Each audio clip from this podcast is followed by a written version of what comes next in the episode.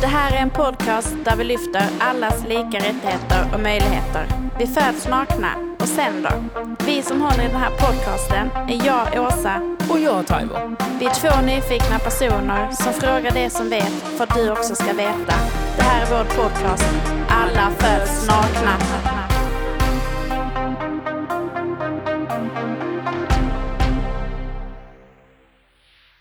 Det här känns ju väldigt spännande och roligt att vi äntligen är igång. Vi har två gäster med oss här idag och eh, vi tänkte att du ska få börja presentera dig. Vem är du? Mm, jag heter Jerk Elmén och arbetar här på Malmö mot diskriminering. Det är det här vi sitter idag. I vilorummet. Och sen har vi en till här. Jag heter Karin Henriks och jobbar som jurist här på Malmö mot diskriminering. Kollega till Jerk. Jätteroligt att ni vill vara med här Mm. hos oss. Vad gör ni här på Malmö mot diskriminering? Vi är en så kallad antidiskrimineringsbyrå. Så vi har i uppgift att arbeta mot diskriminering i samhället helt enkelt. Och det uppdraget har vi fått från regering faktiskt. Kortfattat kan man säga, eh, vi, vi finns till för enskilda människor, helt vanliga människor som upplever att de kanske har blivit utsatta för diskriminering på något sätt. Och då kan man ringa till oss eller mejla till oss eh, och prata med våra jurister, till exempel med Karin här. Ehm, och till att börja med röna ut, är det överhuvudtaget diskriminering? Och sedan, okej, kan vi gå vidare i så fall på olika vis? Ehm, det är en av sakerna som vi gör. Vi utbildar mycket också eftersom Ja, man vet inte så mycket egentligen om den här lagen egentligen och vad den innebär. Jag visste inte så mycket innan jag började här faktiskt. Du menar diskrimineringslagen? Precis. Och det sista vi gör är att vi är ute mycket på arbetsplatser och ute på skolor och hjälper till i det förebyggande arbetet. För det man kanske inte vet om det är att diskrimineringslagen har liksom två fokus. Det, är en, det ena är liksom att träda in när någonting har hänt.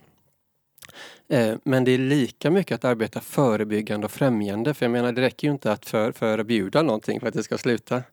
Eh, och det är den förebyggande delen som jag arbetar med på arbetsplatser och sådär. Och du Karin, vad gör du här på Malmö mot diskriminering? Jag jobbar ju som jurist här. Så det jag främst jobbar med är det som Jerk precis har tagit upp. Alltså att personer som vänder sig hit, som upplever att de utsatts för diskriminering, som vi då ger, kan ge råd och stöd. Um, och försöka hitta olika lösningar. Eh, och det kan ibland kan det vara bara åtgärda det som har hänt så att situationen det, det blir som man vill. Till exempel om man haft jobbigt på arbetsplatsen, att, att det blir bra, att man får en bra relation med sina kollegor. Om inte det fungerar så har vi också möjligheten att gå vidare till domstol och driva process. Och allt det gör vi då kostnadsfritt. Hur vanligt är det att det drivs till domstol? Det är ganska så ovanligt skulle jag säga. Av de ärenden vi får in så är det väldigt få som går, eh, går vidare. Eh, och det handlar ju om resurser och det handlar också om att det inte alltid är lätt att bevisa diskriminering eller att det kanske inte är den lösningen människor är ute efter. Man vill inte gå i konflikt, man vill bara att det ska bli bra helt enkelt. Och hur många antidiskrimineringsbyråer finns det i Sverige? 17 antidiskrimineringsbyråer finns det eh, för närvarande. Och här i Skåne så finns det två. Och arbetar ni på liknande sätt?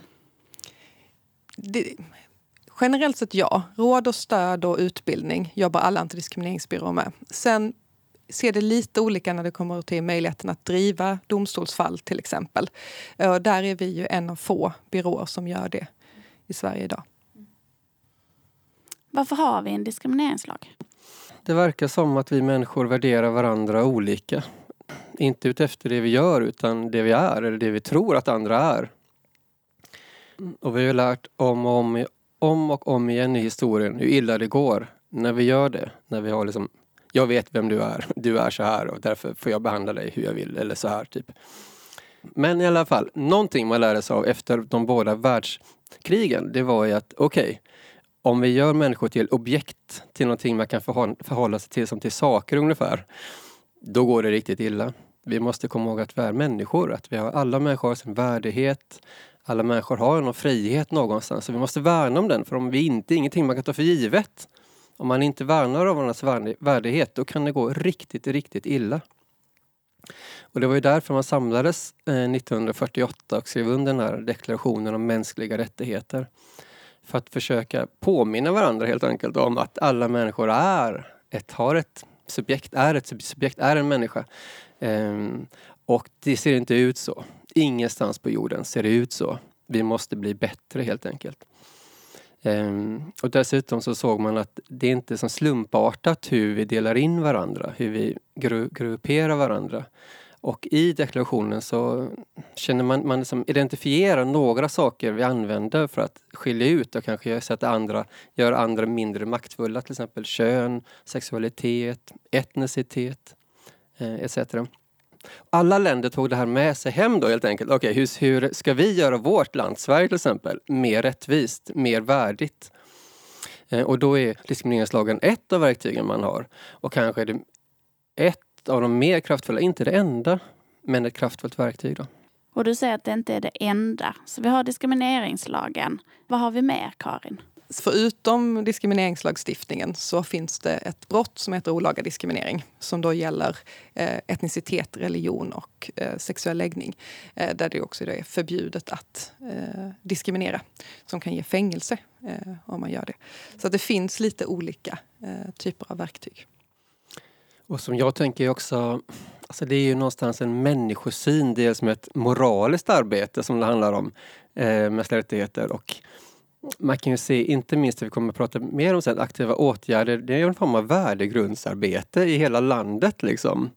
Eh, och det gör man ju i form av böcker och film och ni vet, och samtal och man ska komma ihåg det är liksom väldigt stort. Hur arbetar vi för ett mänskligare och mer rättvist samhälle? Det gör vi ju på många olika sätt.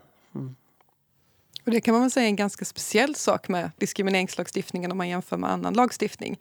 Att den dels har ett perspektiv där man vill motverka individuella diskriminerande handlingar och dels har ett perspektiv där man faktiskt vill komma ut de strukturer som skapar dem eller möjliggör de handlingarna. Och det är ganska så ambitiöst för att vara en lagstiftning. Vad är det absolut en fel uppfattning som man har om diskriminering i samhället? Um, när vi är ute på skolor till exempel så kan lärarna säga att alltså våra elever de slänger sig med det är diskriminering, det där är trakasserier och sådär. Men lärarna säger att men eleverna har nog inte riktigt koll på vad det är. Eh, kan ni berätta för oss? För vi vet faktiskt inte heller riktigt heller vad som är vad. Men är det inte, nu tittar jag på dig Karin, vi får mm. göra det tillsammans, men är det inte ganska ofta så att man, man missar till exempel det här med, med makt? Mm. Eh, för, för, förhållanden till exempel. Mm. Eh, eh, och också att lagen gäller inte överallt. Det gäller inte hemma till exempel. Jag kan inte di diskriminera mitt barn till exempel. Jag kan kränka mitt barn och trakassera det, alltså och vara taskig och orättvis och allt möjligt. Liksom. Men det faller inte inom just den här lagen. Det är det ena. Och det andra jag tänker på är att man kanske inte alltid kommer ihåg de sju grunderna, de olika sju identiteterna, man ska kalla det för, som det måste vara kopplat till också. Diskrimineringslagen skyddar ju inte mot all typ av särbehandling eh, utan den har valt ut sju grunder som man då anser är extra skyddsvärda, som lagstiftningen skyddar. De skyddar helt enkelt kön och könsidentitet, etnicitet, religion och annan trosuppfattning. Den skyddar utifrån funktionsnedsättning, sexuell läggning och ålder. Finns det någon grund som ni tycker saknas? Den grunden som vi pratar mest om här och som det pratas mest om också skulle jag säga generellt när man diskuterar de här frågorna, det är ju socioekonomi. Som ju är en grund som inte skyddas i Sverige idag. Till exempel privata arbetsgivare så finns det då inget skydd alls, mer eller mindre. En privat arbetsgivare har fri anställningsrätt och kan därför till exempel säga att på grund av eh, att du har den här bakgrunden, rent socioekonomiskt låt säga, eller bor på den här gatan som man förknippar med någon eh, socioekonomisk grupp, eh, så vill vi inte anställa dig. Och då, då saknas då saknas skydd. För en statlig arbetsgivare så finns det fortfarande krav på att man ska gå på det med bäst meriter. Men för en privat arbetsgivare så är man ju då skyddslös. På samma sätt är man ju det inom till exempel bostadsmarknaden eller liknande. Om man skulle ha, sätta upp krav som påverkar utifrån socioekonomi. Till exempel att man inte godkänner försörjningsstöd som inkomstkälla. Eller så. Men inom just hälso och sjukvården till exempel, som ju är speciellt aktuellt här, då finns det ju ett skydd. Därför att i hälso och sjukvårdslagen, i vår grundlag, i patientlag och så vidare så finns det ju rättigheter som går utöver det som, som är diskrimineringsförbud. Och den vanligaste diskrimineringsgrunden som ni eh, arbetar med här? Det vanligaste här är funktionsnedsättning som vi får in flest fall gällande. Hur kommer det sig att det är just den, tror ni? Jag skulle säga att det, det, det, finns flera saker som påverkar det. Dels så är det så att det kom 2015 en ny lagstiftning om bristande tillgänglighet, eller en ny del av diskrimineringslagen om bristande tillgänglighet, som fick ganska mycket uppmärksamhet. Som gjorde att det också finns en medvetenhet om att det finns ett, ett skydd. Sen är det också så att funkisrörelsen och de olika organisationer som finns där, de har en en vana eller en historia av att använda juridiken för att få fram sina rättigheter. Så att den vanan finns och det gör ju också att det blir en högre benägenhet att anmäla och gå den juridiska vägen. Sen är det också så att eh, eh, så det avspeglas ganska mycket hur MMD syns i, i media till exempel, eller vilka grupper vi arbetar med. Så vi har arbetat mycket med bostadsmarknaden och bostadsdiskriminering på olika vis till exempel. Och när vi varit aktiva där och ute med runt om i liksom, olika stadsdelar och jobbat med de här frågorna, då kommer det in sådana ärenden mer till exempel. Och det kan inte vara så att eh, just nu är eh, eh kopplat till funktionalitet på olika vis att göra med att vi hade ett barnrättsprojekt i tre år. Var mycket ute på skolor. Um, för visste vi ganska mycket föräldrar och ibland elever som är av som sådana frågor. Ja, det är ett frågetecken där. Ja. Det är inte så här Jo, det är ganska mycket föräldralever. Ja, och självklart är det så att det speglas. De ärenden som kommer in, det säger kanske inte så mycket om diskrimineringen i samhället i stort. Den säger mer om hur når vi ut. Men jag skulle säga att en, en faktor som också spelar roll, det är att det, det finns ett... Att man använder sig av juridiken i många rörelser som sysslar just med, och organisationer som civilsamhället som sysslar med eh, olika typer av funktionsvariationer. Eh, och där ser vi också en skillnad när vi möter organisationer. Att de organisationerna är ofta väldigt intresserade av, eller många av de organisationerna är väldigt intresserade av att driva, de här, driva på de här frågorna rättsligt. Och vilka följder ser ni av att detta uppmärksammas och att det tas vidare rent juridiskt? Alltså ser ni några effekter sen? Ja, det gör vi ju. Sen återigen, det är ju inte alltid så att en domstolsprocess är den bästa lösningen. Eller det är ganska sällan också den bästa lösningen. Men om det inte går att komma till en annan lösning så ger det dels ofta en känsla av upprättelse för individen. Och det kan det göra även om man inte får framgång. Och sen är det också så att det blir, och det är kanske tråkigt att säga, men det blir ett incitament för en arbetsgivare eller en skola eller vad det nu kan vara att ta de här frågorna på allvar när man vet att det kan kosta. Och sen innebär ju nästan alltid domstolsprocesser media. Och det gör ju att frågorna lyfts på ett annat sätt till politiken och till de som faktiskt kan skapa förändring. Men egentligen så är ju, om vi pratar lagstiftning och diskriminering i Sverige, så är det ett ganska nytt fenomen. Det är egentligen först in på 2000-talet som vi börjar få en mer omfattande lagstiftning på området. Så det är också ganska så nytt. Det är ganska nya frågor ur ett liksom lagstiftningsperspektiv. Ofta är det också viktigt att säga att vi, vi, behand, vi behandlar inte vissa människor sämre än andra. Oftast kanske inte för att vi är dumma eller vill illa. Det kan ju bara vara att vi inte är medvetna om det, helt enkelt. Um, ofta, um, den här, vi kommer prata mer om den här eh, om aktiva åtgärder och förebyggande uh, arbetet och så, men hela syftet med det här ganska omfattande arbetet som alla arbetsplatser och skolor måste göra.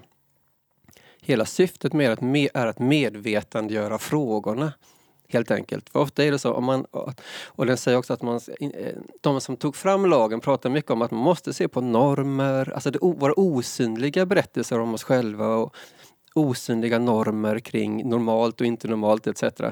Ehm, för ofta är det så att de som är innanför normen som man säger, det är ofta just de som också är de som har tolkningsföreträdet.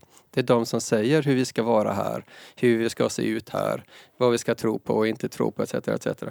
Och så länge man inte blir som utmanad i det tänket så märker man inte vad man gör. De som blir drabbade märker det väldigt tydligt. Men deras röster blir inte så alltid hörda. Det finns ingen kommunikation där riktigt. Um, så att, och det gör att de här strukturerna sitter, inte, sitter djupt både i på arbetsplatser och samhället men också våra egna berättelser om oss själva helt enkelt. Och de vill vi inte rucka på alltid och vi är inte medvetna om dem. Så det sitter liksom, det är på många nivåer helt enkelt som de här strukturerna finns. Men lagen har, eh, lagstiftaren har identifierat att det finns strukturer i samhället som gör att vi tänker på vissa sätt och agerar på, på, på vissa sätt. Om vi inte blir medvetna om de strukturerna kommer vi fortsätta att behandla människor olika och vi kommer behandlas olika. Och jag tänker, det, som person kan jag komma eh, till er till exempel om jag upplever att jag, jag kan ha blivit diskriminerad. Eh, hur tror ni de tänker som inte väljer eh, att komma till er fast som kanske faktiskt har eh, blivit utsatta för diskriminering? Vad tror ni är orsakerna till att eh, alla inte driver frågan vidare? Det, jag tror att det finns många orsaker till det. Ehm, det kan handla om att man inte ens själv uppmärksammar eller tänker att det är diskriminering för att man är så van vid att bli behandlad på ett visst sätt. Det kan vara att man inte orkar. Det är något vi hör ofta när vi utbildar, att man vill inte vara, framstå som jobbig eller, eller svår eller försämra sina möjligheter kanske till att avancera på jobbet eller eh, vad det kan vara. Att man helt enkelt inte orkar. Och sen kan det givetvis också handla om, om förtroende.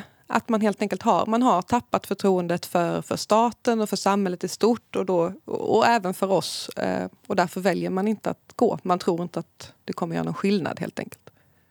Och det är ju en som så, frågade innan om vad är en vanlig missuppfattning om diskrimineringslagen och en ganska vanlig missuppfattning är att det är väldigt många personer som driver diskrimineringsärenden för att få pengar. Och så ser det ju inte ut. Alltså, att driva ett diskrimineringsärende, eh, för det första så är det så att om man skulle förlora så får man betala motpartens kostnader eller man riskerar att få betala motpartens kostnader. Och det kan ofta handla om flera hundratusen. Eh, vilket för många människor gör, gör det omöjligt att driva en sån här process. Och om man då ska gå till någon annan som ska driva det åt en kostnadsfritt till exempel. Då finns det i princip Inom, inom arbetslivet kan ju fack, de fackliga driva, men på andra samhällsområden så finns Diskrimineringsombudsmannen som driver kanske 10 till 15 fall per år. Eh, och sen finns det antidiskrimineringsbyråer där vi endast är ett fåtal som driver. Och då kanske vi driver 4-5 fall per år. Så att det är ganska så svårt att få upprättelse den vägen i Sverige idag vem kan diskriminera vem? Eh, om vi tar och eh, går in på hälso och sjukvårdsorganisationen. Eh, kan till exempel en patient diskriminera en läkare eller vårdpersonal? Och där är det korta svaret nej. Och hur kommer det sig? Det kommer sig så att diskrimineringslagen tar hänsyn till makt. Den är helt enkelt till för att skydda de som är i en utsatt position. Och där menar man att patienten har en rätt till vård och har en rätt till att få, få hjälp. Eh, Medan läkaren är där i sin, eller sjukvårdspersonalen är där i sin profession.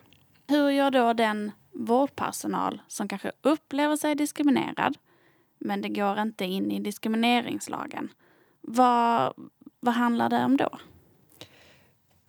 Först, först och främst arbetsmiljö, skulle jag säga. Att, att man inte omfattas av diskrimineringslagen innebär ju inte att det, in, att det saknas skydd. Det kan ju bli en arbetsmiljöfråga som, som eh, cheferna behöver ta hand om eh, och hantera. Det kan ju också i, i grova fall så kan det också handla om annan typ av eh, brott. Till exempel hot eller liknande förtal och så. Ehm, så det, det, finns ju andra saker att göra. Man är inte rättslös i den, i den situationen. Om jag arbetar, på, eh, jag arbetar på en arbetsplats och eh, har flera medarbetare. Där är det ju ingen maktposition på något sätt. Kan jag, kan jag diskriminera en kollega då? Och då är det väldigt korta svaret på den också nej. Det kan man inte. För där befinner man sig så att säga på samma nivå som lagstiftningen ser ut idag. Men det innebär inte att man är utan skydd. Därför att då har man lagt upp det ansvaret på ledningen. Så det innebär att under förutsättning att man själv, som den individ som har utsatts, går till någon i ledande position, vem som helst, det behöver inte vara den som man ska gå till enligt någon riktlinje eller så. Då finns det en skyldighet för den att utreda och åtgärda det som har hänt. Och görs inte det, då hamnar vi i att man har brutit mot utrednings och åtgärdsskyldigheten, vilket då berättigar till ersättning för individen. Så att man lägger helt enkelt upp ansvaret en nivå. Och ett till scenario. Kan en chef eh, diskriminera eh, sina anställda? Ja. Mm. För då pratar vi maktposition igen. Precis. Mm. Och där om en under förutsättning att det går kopplat till någon av de här sju grunderna då? Alltså jag tänker att eh, om, en, om en kollega blir utsatt för eh, blir diskriminerad då, liksom, och hen är inte medveten om det själv och jag då som är eh, ja, som står kanske på sid, sidan om liksom, ser det här, hör det här. Hur skulle jag kunna hur, hur, hur, skulle, jag, man, hur skulle man kunna agera i det här fallet? Liksom? Jag tänker att man inte ska utgå från att den personen inte är medveten om det själv. Men den kanske väljer att inte säga någonting eller att bagatellisera situationen. Jag tänker att det är viktigt att visa att man är där eh, och att man kan vara ett stöd. Men samtidigt givetvis respektera vad den individen vill. Vill inte den att du som kollega ska gå vidare till chefen och berätta om det enskilda fallet, då kanske man inte heller ska göra det. Däremot så kanske man som ett stöd kan prata med ledningen om att jag upplevt att den här problematiken finns på arbetsplatsen och jag tycker att vi måste jobba med det på en mer liksom generell nivå. Och vad händer om det arbetet inte tas tag i? Jag har lyft frågan, eh, men det händer ingenting på min arbetsplats. Vad kan jag göra då? Där är ju... Om du själv har utsatts, då kan man ju så att säga tvinga fram detta. Då kan man fråga sig, okej, okay, men jag skulle vilja se, har ni utrett detta? Har ni några åtgärdsförslag och så? Och har, man en, har arbetsgivaren inte det, då kan man ju gå till facket till exempel och säga nu här brister man i utrednings och åtgärdsskyldigheten. Eller man kan vända sig till oss eller man kan vända sig till DO. Men har vi en situation eh, där vi inte har någon som är utsatt, eh, där det är man har ett problem men vi har ingen individ som har anmält en, en kränkning. Då är det lite svårare att använda sig av diskrimineringslagen för att då, har vi, då är vi inne i det aktiva åtgärdsarbetet. Och det tycker jag man ska fråga, hur jobbar vi kring detta? För det arbetet måste finnas. Eh, finns inget sådant arbete, då kan man återigen vända sig till facket eller göra en tillsynsanmälan till DO och säga här fallerade. För de har möjlighet att ta frågan vidare på, på olika sätt. Så som all, an, all annan lag, lagstiftning, men väldigt mycket med den här så det spelar ingen roll hur bra lagen är om ingen vet om att den finns till exempel. Det spelar ingen roll hur bra lagen är om inte de som är ansvariga vill arbeta med den. Den kräver liksom en mottagare. Och i det här fallet är det ju ledningen, alltså arbetsgivaren som är ansvarig för arbetet då. Om de väljer att ducka eller blunda eller stoppa långt ner i högen. Ja, då är man ju där igen. Då är det rättighetsbärarna som får föra kampen så som det ju kanske alltid har varit någonstans. Att det är de som drabbade som lyfter frågan om och om igen och kämpar mer och mer. Och till slut så blir det en större förändring. Och lite grann är det så på en arbetsplats också. Då får man väl fortsätta lyfta frågan och försöka hitta, om man inte får med sig facket, någon form, eller kan skapa någon referensgrupp eller så. Men jag tänker rent praktiskt. Eh, vem ska ta tag i, nu ska vi arbeta med aktiva åtgärder? Ansvaret ligger, är jättetydligt. Det är chef och ledning som har ansvaret och eh, om man är en större arbetsplats som ju ni arbetar på båda två, då ska det till och med dokumenteras och DO kan komma och vilja titta på det där och ett fack kan komma och vilja kräva, kräva det helt enkelt. Kräva att få se det. Um, så det är chef och ledning som har ansvar. Och de ska göra det i samverkan med arbetstagare. Ehm, på en skola gäller också lagen. Då ska det liksom vara ledning, lärare, annan personal och elever ska samverka i alla fyra steg. Så aktiva åtgärder går inte att bara bedriva på ledningsnivå utan där måste även medarbetarna vara involverade. Det måste de och det är också viktigt man, när man tänker större arbetsgivare, som exempel Region Skåne är ett bra exempel på det. Då går det inte heller att det bara är en ledning högst upp som bestämmer likadana åtgärder för hela verksamheten. Utan det här ska ju vara verksamhetsspecifikt. Så att ute på alla olika avdelningar måste man jobba med det här och hitta de, de risker och hinder som finns på liksom de, olika, de olika platserna. Och det är därför som lagen inte säger vilka åtgärder man ska sätta in på vilka liksom, hinder och, och risker. För att det ser olika ut i alla arbetsplatser. Men jag tänker i relation till det, om, om man är, inte känner till att det pågår ett aktivt åtgärdsarbete. Man kanske inte behöver känna till det ordet just, men att det pågår ett, ett arbete för lika rätt. Då skulle jag säga att då måste man jobba mer med aktiva åtgärder. Då har man inte jobbat tillräckligt. Vad händer om vi inte arbetar med aktiva åtgärder? Vi säger att eh, DO eh, upptäcker att här finns det ingen skriftlig dokumentation på att vi arbetar med aktiva åtgärder. Vad händer då? Det som händer då är Först och främst så kommer eh, DO troligen rikta kritik och be arbetsgivaren att åtgärda detta. Om inte det görs så finns det en möjlighet för Diskrimineringsombudsmannen och denna möjlighet finns också för fackförbunden centralt. Eh, att de kan ta frågan till någonting som heter Nämnden mot diskriminering. Och den här nämnden kan vitesförlägga så att de kan helt enkelt säga att nu har ni tre månader på er att åtgärda detta, annars får ni betala. Och om man då inte löser det inom den tiden, då höjs vitet. Så att det blir mer och mer pengar eh, hela tiden som man riskerar att få betala. Hur, vad är ert bästa tips till en chef då som är ålagt till att eh, arbeta med aktiva åtgärder? Vad, är, vad, vad tycker ni, var ska den chefen börja någonstans? Det är ganska mycket som ingår. Det är mycket man ska titta på. Och det är ju sju grunder man ska undersöka. Det är fem olika områden i arbetslivet som i princip är hela arbetslivet. Ehm. Men då ska man helt enkelt gå till HR och säga hur arbetar vi med aktiva åtgärder här? Alltså hur undersöker vi? Ehm. Ehm. Hur är det medarbetarenkäter? Det hoppas jag att det är. Är det kanske kvalitativa intervjuer? Är det, hur tittar vi, genomgår vi alla dokument som man också ska titta på etc. Det ska finnas och finns säkert som rutiner och riktlinjer för hur man ska arbeta med aktiva åtgärder. Ehm, men i drömscenariot egentligen så skulle man ju se till att ens medarbetare har så mycket kunskap om aktiva åtgärder. Så att man på ett APT till exempel kan säga ungefär så här. Ja, nu ska vi ta tag i aktiva åtgärder. Eh, det handlar, om de inte vet, får man kanske säga, där, eh, ni kanske inte har så mycket koll på det här, därför har vi tagit in den här personen som kommer prata om vad det är för någonting. Och så pratar man om det i en timme ungefär så att alla får en gemensam grund av vad det överhuvudtaget handlar om. Eh, och sen när man har det, då kommer man börja prata om, okej, okay, vad, vad, skulle ni redan nu så vilja att vi tittar lite närmare på kanske? Så att eh, ens anställda finns med på banan från början i också vad ska vi titta efter och hur kan vi titta efter det. Eh, så ta, ta hjälp av HR, se vilka strukturer som redan finns men lyssna också in de anställda eh, så att de är med på banan hela vägen. Eh, de arbetsplatser som vi arbetat med, det är, nu är det faktiskt egentligen den arbetsplatsen som vi arbetat mest med som vi tycker gör det mest gedigna eh, eh, aktiva åtgärdsarbetet.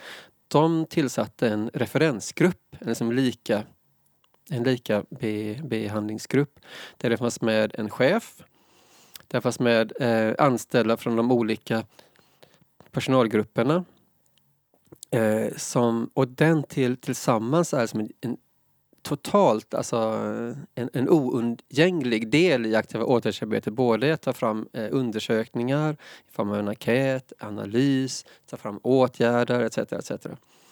Eh, så i den bästa världen så re rekommenderar vi det faktiskt att tillsätta en form av arbetsgrupp som representerar de som eh, berörs. Och så tar man in det stödet som man behöver från HR, från oss eller från någon annan som kan komma in med expertis om jag som chef känner att nu vill jag ha ett färdigt paket. Här vill jag liksom in och hitta hur jag, hur jag ska göra. Finns det något sånt paket? Alltså, DO har tagit fram en digital guide eh, i aktiva åtgärder och den är riktigt bra på många sätt. Den är liksom eh, praktisk. Eh, den är också normkritisk, handlar om att se på sig själv och som eh, och de har många eh, konkreta e-, e-, exempel på det som kan vara risker och hinder för lika för lika, eh, lika rättigheter och så. Eh, det finns också olika handböcker. Vi är snart färdiga med, med, med vår men det finns också OFR, eh, fackförbundet som, som rör de vårdanställda som har tagit fram en handbok. Så varför inte titta i den? Och sedan så kan man ju prata med oss till exempel. Vi, vi är ganska vana att ta fram hur man arbetar systematiskt med frågor. Man lägger fram hur man tar fram ett årshjul eller motsvarande så att man ser, ser till att alla, alla steg och allting finns med. Och det man kan säga är ju att det ska vara, det ska ju vara arbetsplatsspecifikt eftersom arbetsplatser har så olika förutsättningar. Så därför ska det ju vara på, på alla olika organisationsnivåer. Sen finns det delar av det aktiva åtgärdsarbetet som är bättre att placera högre upp. Och det är till exempel lönekartläggning. Därför att det är lättare att se strukturer i ett större material. Men det är väl det som är liksom undantaget då. Ifrån. Hur kan aktiva åtgärder um, gå parallellt eller hand i hand med arbetsmiljöfrågor? Ja, Eh, egentligen passar de ganska väl ihop. Om man tittar på reglerna för aktiva åtgärder så är de väldigt lika eh, det som vi pratar om när vi tittar på regler kopplat till systematiskt arbetsmiljöarbete. Alltså det handlar om att kartlägga, det handlar om att analysera, att utreda, att sätta in åtgärder eh, och att utvärdera de här åtgärderna. Det är enormt likt. Man använder sig av samma hjul oftast och så vidare. Så en tanke är ju att det aktiva åtgärdsarbetet blir en del av det systematiska arbetsmiljöarbetet. Och det är ju också så att oftast så är det saker som är positivt för arbetsmiljön generellt är också ofta positivt utifrån diskrimineringsgrunderna. Så skillnaden är väl att man förutom att titta på arbetsmiljön i stort även fokuserar utifrån de olika grunderna. Och som tar ett exempel inom vården genom att till exempel köpa in eh, utrustning för att hjälpa till vid tunga lyft, exempelvis. Då är det bra för den generella arbetsmiljön och någonting som kan ingå i det arbetet. Men samtidigt kan vi också se att det är positivt utifrån diskrimineringsgrunder som till exempel kön, funktion och ålder. Det finns liksom en tanke om att det är bra att integrera. Det viktiga är ju bara att aktiva åtgärder och diskriminering, att det inte faller liksom bort, att det drunknar lite i SAM som kanske är lite lättare att ta på, lite lättare att arbeta med. Så bara man ser till att värna de frågorna så kan man absolut eh, integrera dem på olika vis. Lika behandling ska ju vara, eh, ska ju ja, alla offentliga organisationer jobba med. Eh, eh, kan ni se skillnader mellan eh, alltså, pri, alltså privat näringsliv och offentlig organisation hur man jobbar med de här frågorna? Ja, det var, det var en väldigt bra fråga. Jag tänker att vi har ett förhållandevis litet underlag för att kunna uttrycka oss säkert om det. Eh, men vi kan väl säga att ambitionsnivån är ganska olika inom olika myndigheter och olika kommuner till exempel när det gäller de här frågorna. Och på samma sätt är det ju inom det privata. Det finns ju företag som ligger väldigt långt fram i det här arbetet och som jag skulle säga kanske gör ett mer ibland gediget arbete än vad man gör på, på eh, statlig nivå som ju ändå ska ligga i framkant. Men vi, har ju också, vi ser ju också många exempel på företag som överhuvudtaget inte alls prioriterar de här, de här frågorna. Så det är svårt att göra en sån, eller för mig i alla fall, att göra ett generellt uttalande om det. Förbättringsmöjlighet i, i den här frågan?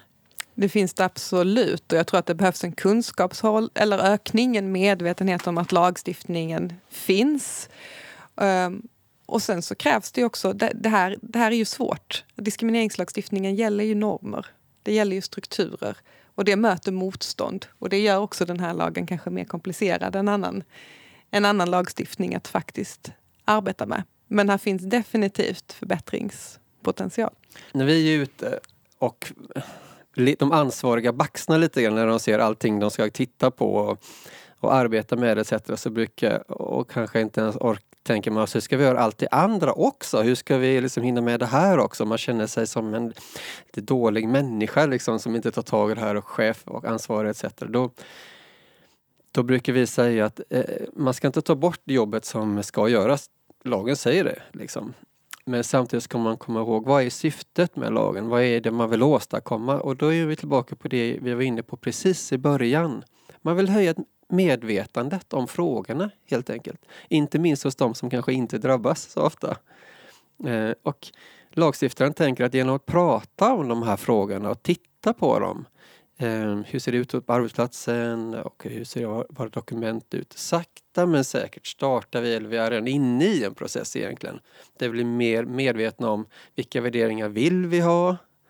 Ehm, hur ser det ut? Hur kan vi göra det lite bättre? Så det är mycket bättre att göra någonting litet. Och så lär man sig från det. Än att bara baxna och så bara gör man ingenting. just det här att lyfta normer och värderingar eh, kan ju vara ganska känsligt. Eh, framförallt när du sitter i en arbetsgrupp där vi har kanske väldigt olika värderingar. Eh, det är någon som ska styra upp det. Eh, kanske ehm, känna en trygghet i att det är okej okay att föra det här samtalet för att annars kanske det blir en hel gruppdiskussion som inte leder någon vart. Hur kan du strukturera upp och lyfta just normer och värderingar? Mm. Man kan göra det på olika vis. Alltså, man kan ju ta in någon som kommer, vi har kommit till en, till en hel arbetsplats eh, till exempel och pratat om saker på en generell nivå så att alla får som någon form av eh, ge, ge, gemensam grund av kunskap och insikter utan att behöva peka ut någon. Alltså det är ingen rättighetsbärare, någon som är drabbad eller utsatt som behöver vara säga det där utan vi kan vara den rösten som säger det som behöver sägas i rummet. Det är en sak.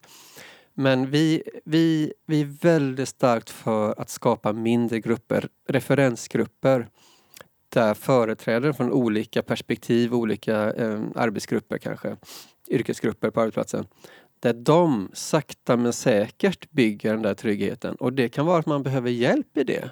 Att, eh, sådana som oss eller någon annan som kommer in lite utifrån liksom och kan skapa ett, en form av tredje rum. Och vår erfarenhet är att det är, ganska, det är väldigt känsliga samtal.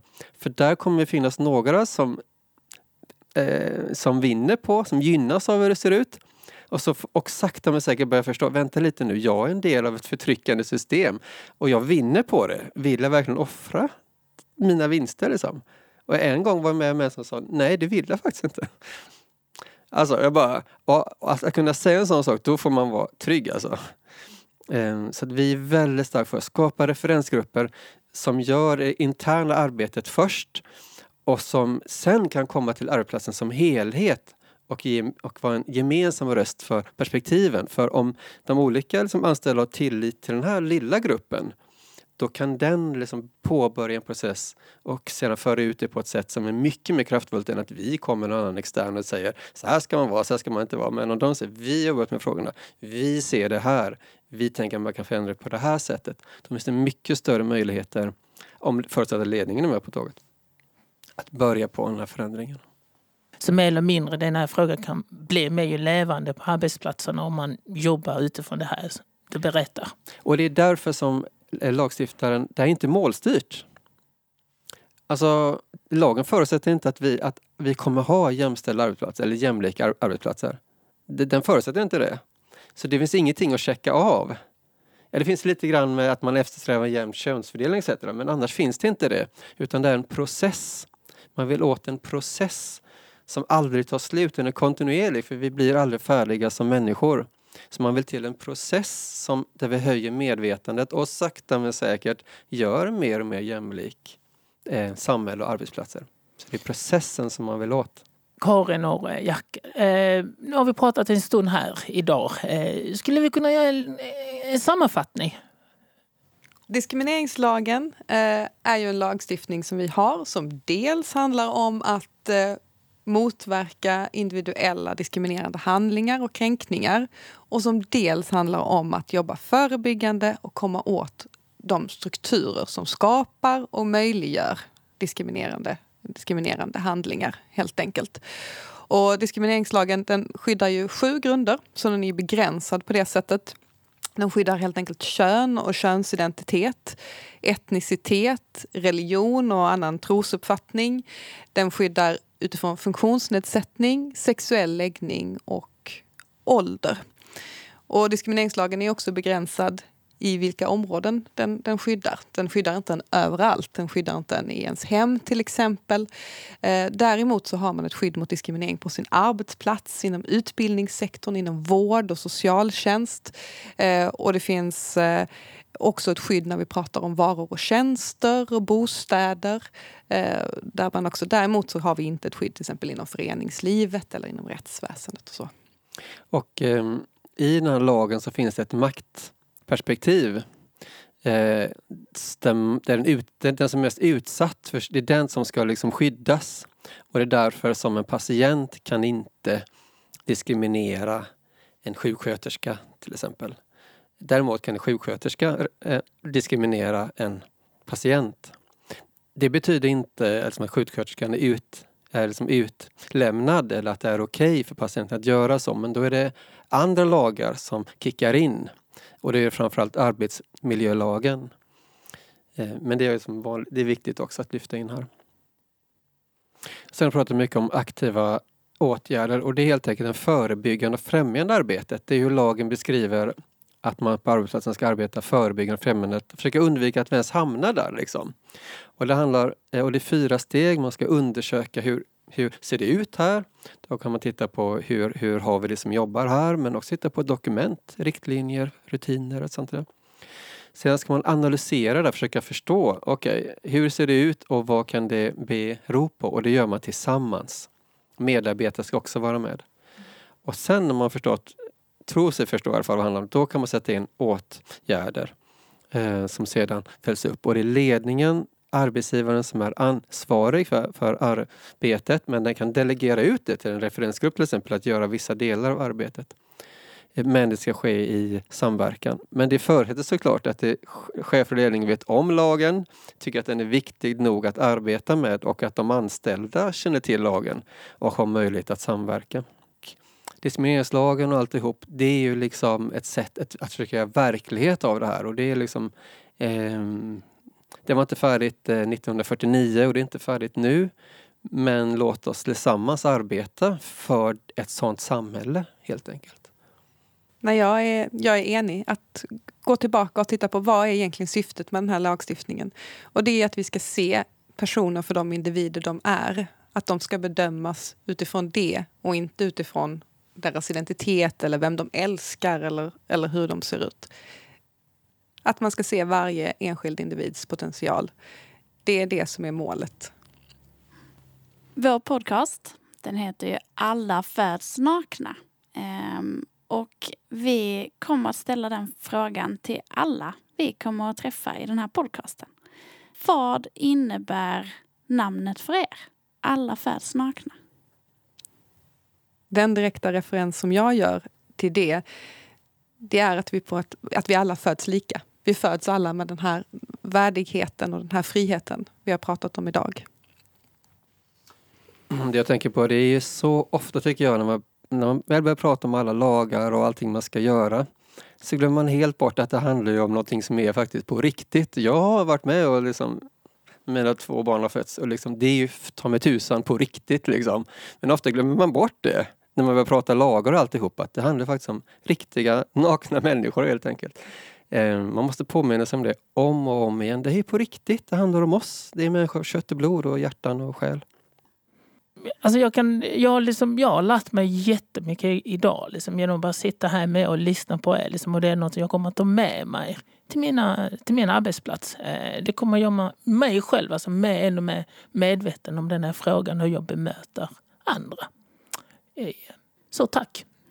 Ja, och jag hoppas ju också, eller jag tänker att förhoppningsvis så kommer detta göra att de som lyssnar på detta tänker jag går tillbaka till min arbetsplats nu och säger nu kör vi. Sådär, det får vara sista ord. Tusen tack för att ni var med här idag. Tack, tack. Tack själva.